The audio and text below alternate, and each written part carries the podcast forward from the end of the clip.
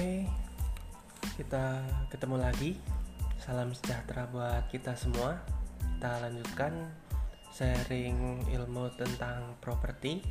Kali ini kita akan membahas tentang seni negosiasi dengan pemilik tanah. Ilmu properti identik dengan kepemilikan tanah.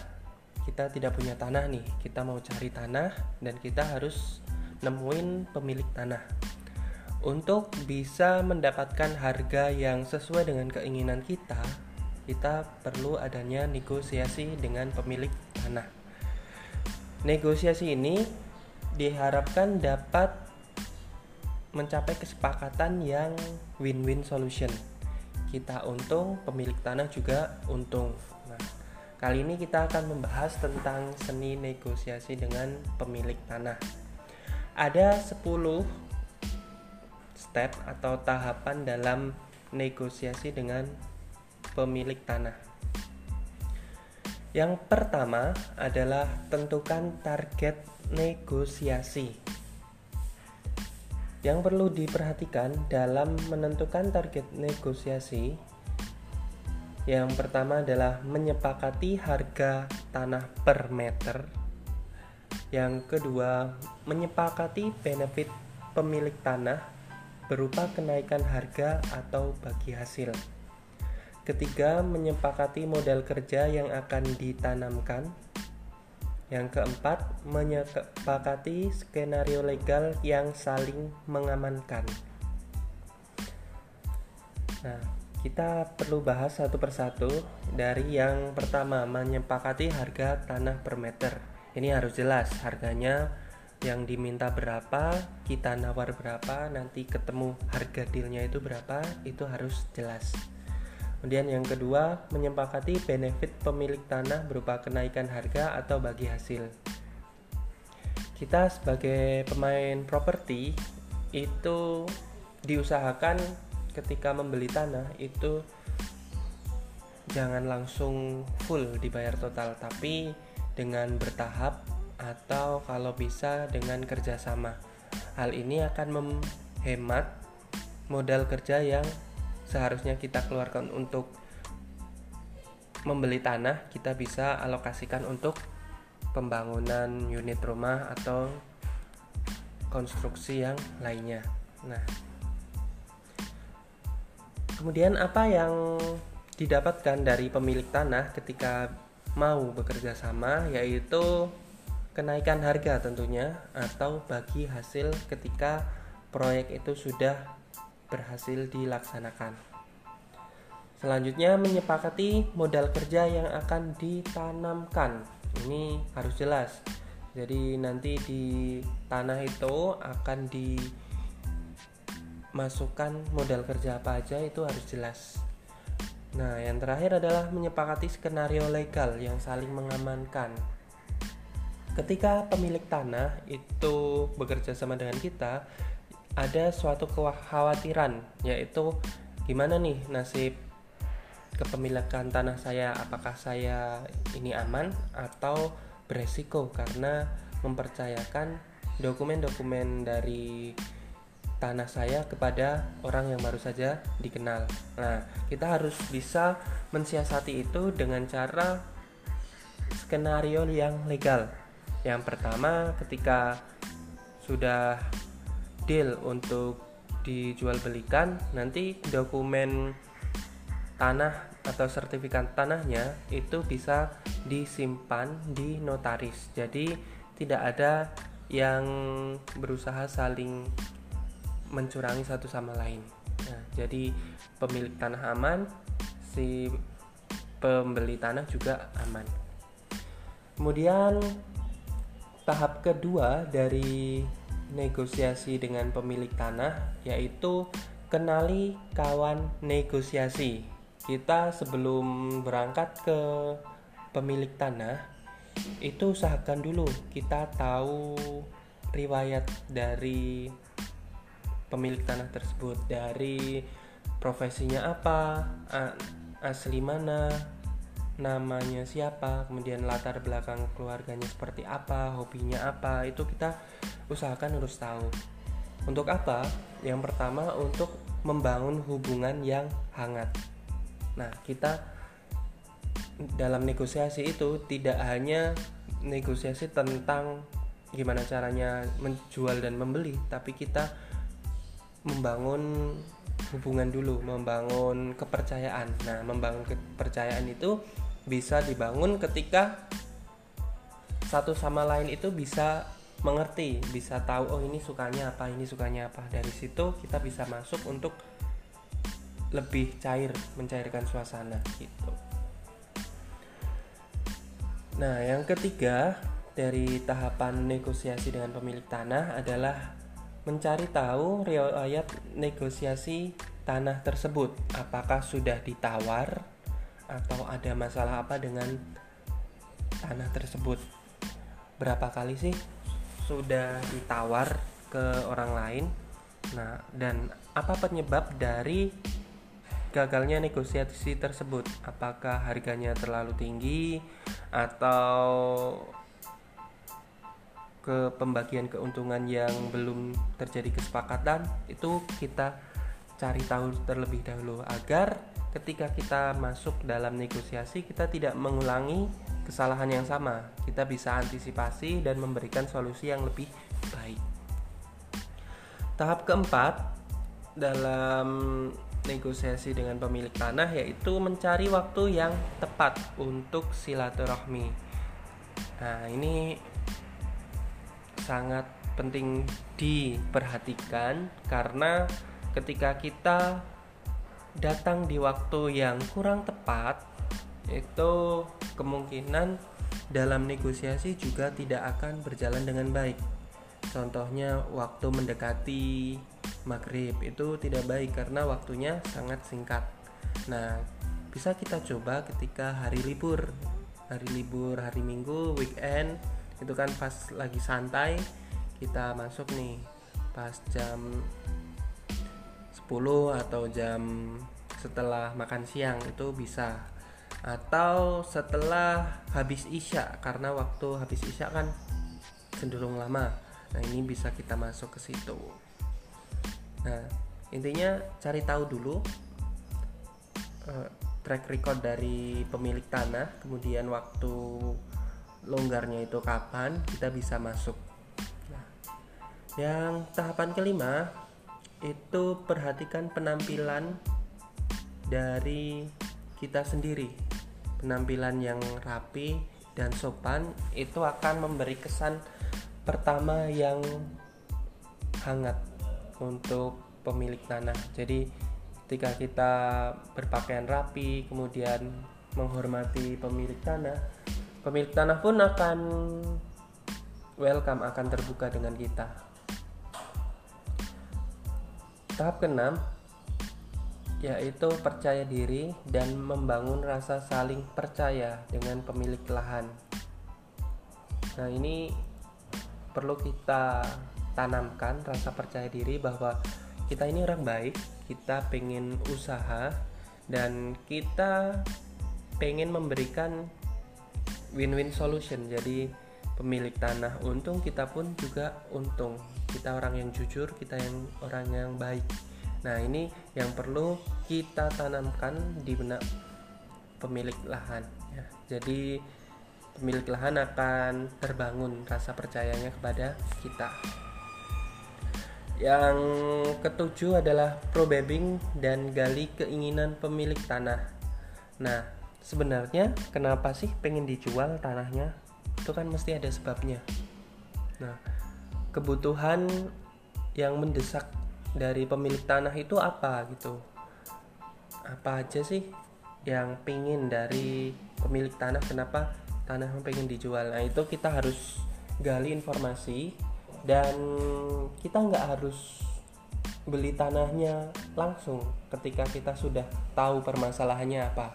Misal gini pemilik tanah ingin umroh dan mensekolahkan anaknya Nah, pada tahun itu dia kan butuh dana. Misal total tanahnya itu 1000 meter dengan kalkulasi 100 juta.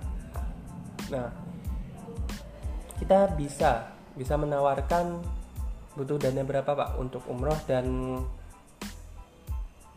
mensekolahkan anaknya. Misal nih 30 juta. Nah, dari sini kita akan bisa melihat bahwa yang dibutuhkan dari pemilik tanah itu cuma 30 juta dari 100 juta. Nah maka kita bisa oke okay, pak saya bisa menyediakan dana 30 juta tapi untuk pembayaran tanahnya apakah bisa di termin atau di tempo gitu ya nah ketika masalah dari pemilik tanah itu sudah teratasi untuk sisa pembayaran itu itu bisa dilakukan secara bertahap. Nah ini makanya pro atau gali keinginan pemilik lahan itu sangat diperlukan. Karena dengan cara itu kita tidak perlu mengeluarkan dana yang banyak untuk membeli tanah tapi mengeluarkan dana yang dibutuhkan dari pemilik tanah. Yang kedelapan, tidak menawar pada pertemuan pertama. Ini yang perlu diingat. Negosiasi yang pertama kali dilakukan adalah membangun hubungan atau membangun kepercayaan. Kita saling mengenal satu sama lain, kita niatnya ke situ ya silaturahmi. Jangan sekali-kali pada pertemuan pertama negosiasi itu kita langsung menawarkan harga. Nah, ini nggak bisa karena apa? Yang banyak terjadi ketika kita langsung menawarkan harga itu deadlock dan ujung-ujungnya tidak akan berhasil. Nah, yang perlu diperhatikan itu ketika kita menawar harga itu saat pertemuan yang kedua. Dan usahakan ketika menawar harga kita harus tahu dulu harga yang diminta dari pemilik lahan itu berapa. Jangan sekali-kali kita menawarkan harga awal. Nah kita dengar dulu maunya dari pemilik tanah itu harga berapa dan bagaimana skemanya. Nah kalau sudah kita dengar kita pikir dan kita kalkulasi baru kita menawarkan harga yang baik untuk kita. Nah, yang nomor 9, penawaran harus tertulis dalam perjanjian jual beli tanah itu diusahakan segala bentuk penawaran itu harus tertulis. Kenapa? Karena ketika tertulis kita mempunyai bukti yang kuat dan buktinya berupa catatan dokumen yang itu tidak akan bisa dirubah. Nah, kalau misal cuma kata-kata hari ini A, besok B, yang ini bisa berubah-ubah. Tapi ketika udah tertulis dan udah ada tanda tangan dari pemilik tanah dan kita, ini udah terkunci gitu. Kesepakatannya udah ada gitu. Nah, yang terakhir adalah naikkan harga, turunkan syarat.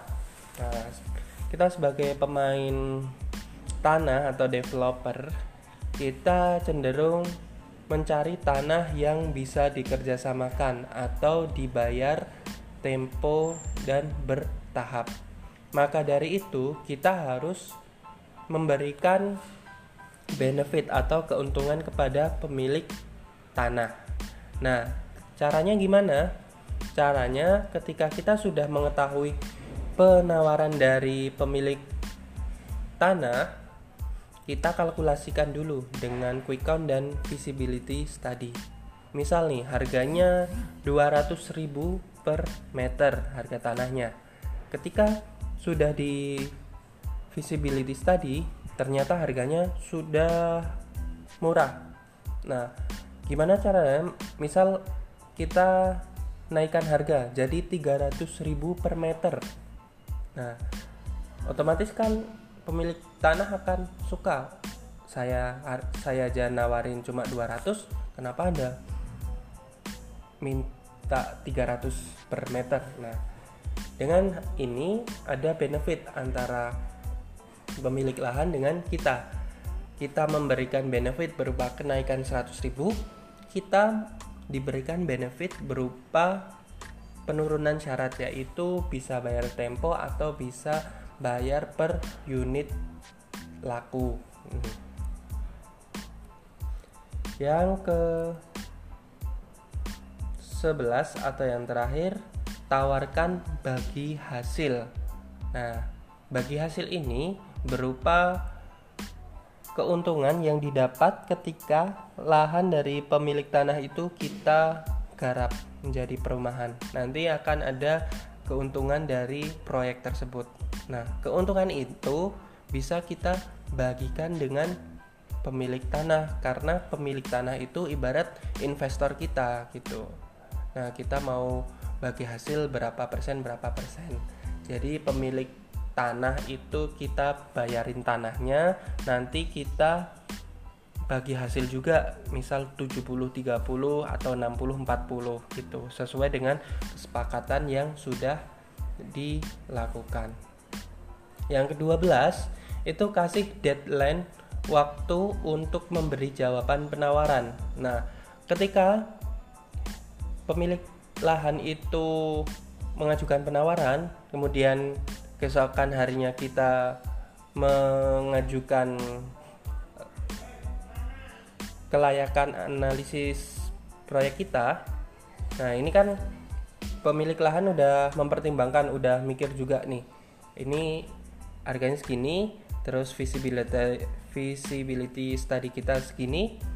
Nah itu kan pemilik lahan punya waktu untuk berpikir. Nah kita kasih batasan waktu deadline misal nih tiga hari lagi saya akan datang ke rumah Bapak untuk mengetahui hasil dari keputusan Bapak Bapak itu apa apakah menerima atau menolak gitu.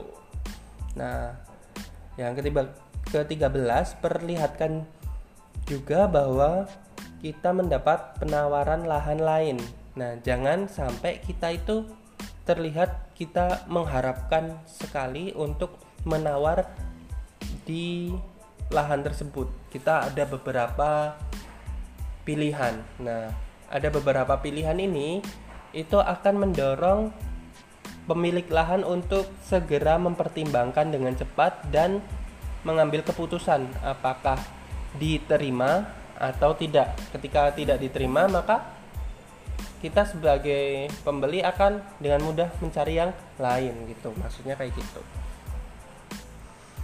Nah, ke-14 Anda harus tahu harus mengakhiri pertemuan.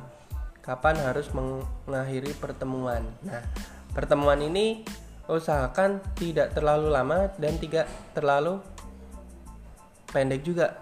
Nah, minimal 30 menit itu kita udah harus akhiri. Nah, kemudian kita juga harus tahu nih kalau misal pemilik lahan itu udah bertele-tele kemudian lama dalam mengasih keputusan berarti kita harus tahu harus bisa menghari oh ya berarti ya udah pak kalau misal belum bisa ya udah saya cari yang lain gitu. Harus tegas juga kita perlu tahu juga keberatan dari pemilik lahan. Yang pertama itu karena keberatan harga yang belum pas. Yang kedua keberatan karena keamanan sertifikat pemilik lahan. Nah kita bisa bangun kepercayaan kita bisa negosiasi sampai ditemukan harga yang pas. Kemudian untuk soal keamanan itu kita bisa saling mengamankan dengan cara sebagai berikut ya solusi-solusi yang bisa diberikan kepada pemilik lahan yang keberatan nah yang pertama adalah sertifikat tanah tetap atas nama pemilik Nah, atau skema kuasa jual. Nah, dari sini pemilik itu merasa aman karena ketika menjual itu harus ada tanda tangan pemilik gitu ya.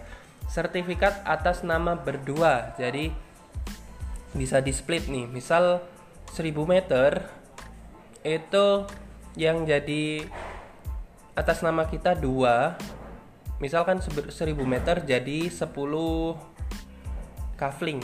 Nah, dua kafling itu nama kita, 8 kafling untuk nama pemilik tanah.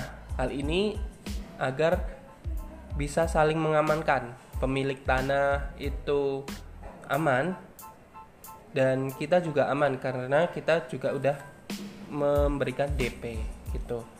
Kemudian sertifikat disimpan di notaris. Nah, ketika sertifikat disimpan di notaris itu untuk menjaga ketika salah satu dari kita itu melakukan kecurangan. Kemudian skema pengakuan hutang. Ya, jadi kita mengakui berhutang atas tanah yang sudah kita tawar. Yang selanjutnya membuat PT bersama. Nah, ini kalau lahannya udah luas, kemudian membutuhkan badan hukum berupa PT. Nah, nanti kita masukkan aja untuk pemilik tanah itu sebagai pemilik PT gitu. Nah, dari pemilik PT itu dia kan bisa tahu track recordnya itu gimana jalannya perusahaannya gimana gitu. Selanjutnya spesimen tanda tangan berdua atau yang mewakili. Nah, spesimen tanda tangan berdua ini ketika terjadi closing atau penjualan lahan itu nanti harus tanda tangan berdua pemilik lahan dan pembeli Selanjutnya, amunisi teknis dalam negosiasi mengatasi keberatan harga. Ini ada beberapa solusinya. Yang pertama, analisis breakdown harga rumah. Nah, kita breakdown harga rumahnya, kemudian surat penawaran tertulis dengan alternatif harga. Jadi ada beberapa alternatif harga. Misal kita kita menawar harga tanah per meter 120 tapi dengan benefit nanti bagi hasilnya 30%. Kemudian ketika harga tanahnya 175 kita menawarkan harga benefit atau pembagian keuntungan 15%. Nah, ini ada beberapa alternatif yang nanti bisa dipikirkan oleh pemilik tanah. Kemudian ada draft perjanjian. Nah, perjanjian ini supaya mengetahui pemilik tanah itu ini keuntungan apa yang saya bisa dapatkan ketika saya bekerja sama dengan Anda gitu. Cukup sekian dari saya. Thank you.